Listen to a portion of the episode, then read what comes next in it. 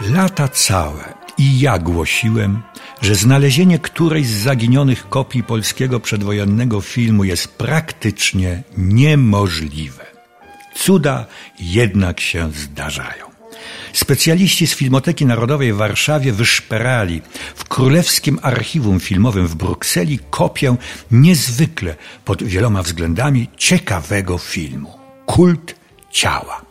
Wprawdzie kopia ta nie jest kompletna, ale i tak jest to prawdziwa perełka, pokazana po raz pierwszy publicznie w czasie inauguracji szóstego święta niemego filmu w Warszawie. Kult ciała jest adaptacją bardzo popularnej na początku XX wieku skandalizującej powieści Kult ciała, dziennik człowieka samotnego, dziś już zapomnianego pisarza Mieczysława Srokowskiego.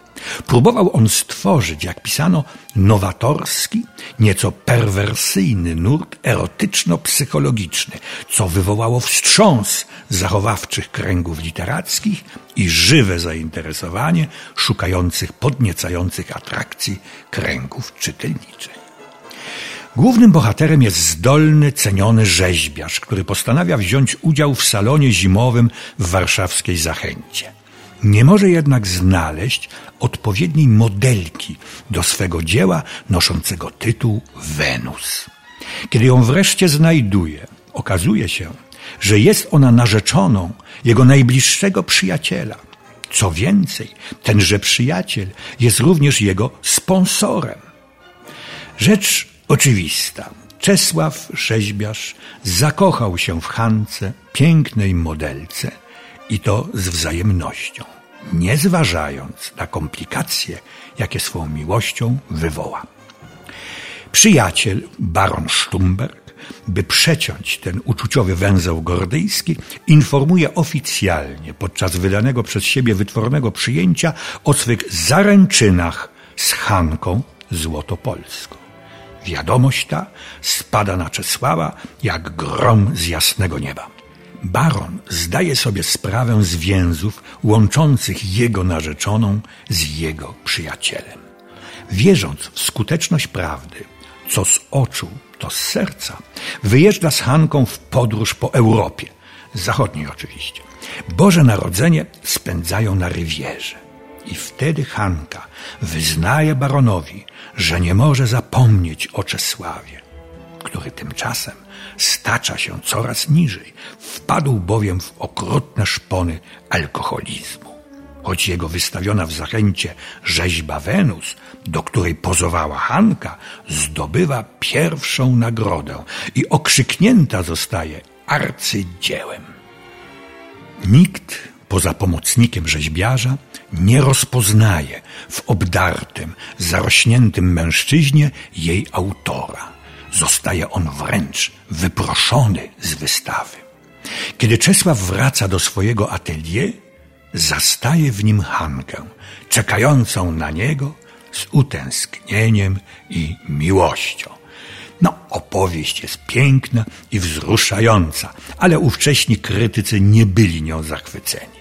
Pisano, że stany psychiczne oddano w mało już wówczas zrozumiałej manierze Przybyszewskiego, polegającej na, cytuję, bezpłodnym cierpiętnictwie i wałęsaniu się z rozpaczonych bohaterów tam i sam po kilometrach taśmy.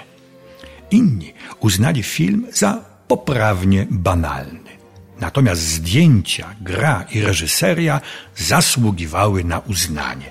Ta druga opinia jest zaskakująco trafna, także dziś. Reżyserował Michał Waszyński.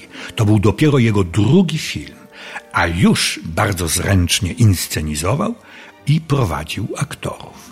Za klarowne, trafione zdjęcia, kręcone w Warszawie, Wiedniu, Budapeszcie i na Lazurowym Wybrzeżu, odpowiadali renomowani austriacko-węgierscy operatorzy Hans Thayer i Akosz Farkasz, a grali, no właśnie, grali aktorzy, którzy byli już na drodze do wielkich karier.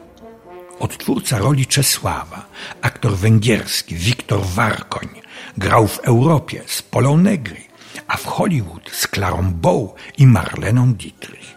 Był ulubionym aktorem Cecil de Milla, jednego z pionierów kina amerykańskiego, znanego przede wszystkim z wielkich widowisk historycznych. Ponieważ Warkoń nie nauczył się nigdy porządnie po angielsku, w filmach dźwiękowych grał najczęściej cudzoziemców.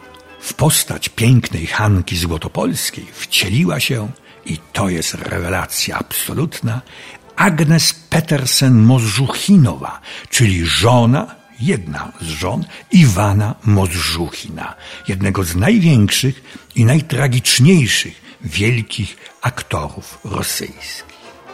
Zaś pomocnika rzeźbiarza grał młody Eugeniusz Bodo, już wkrótce jeden z najpopularniejszych polskich aktorów. Rulka to mała, ale zagrana bardzo ładnie.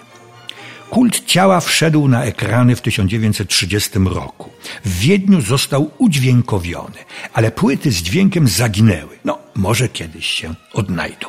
Natomiast nie zaginęła wiadomość o tym, że kult ciała 26-letniego Michała Waszyńskiego otrzymał na festiwalu w Nicei złoty medal. Była to chyba pierwsza międzynarodowa nagroda dla polskiego filmu.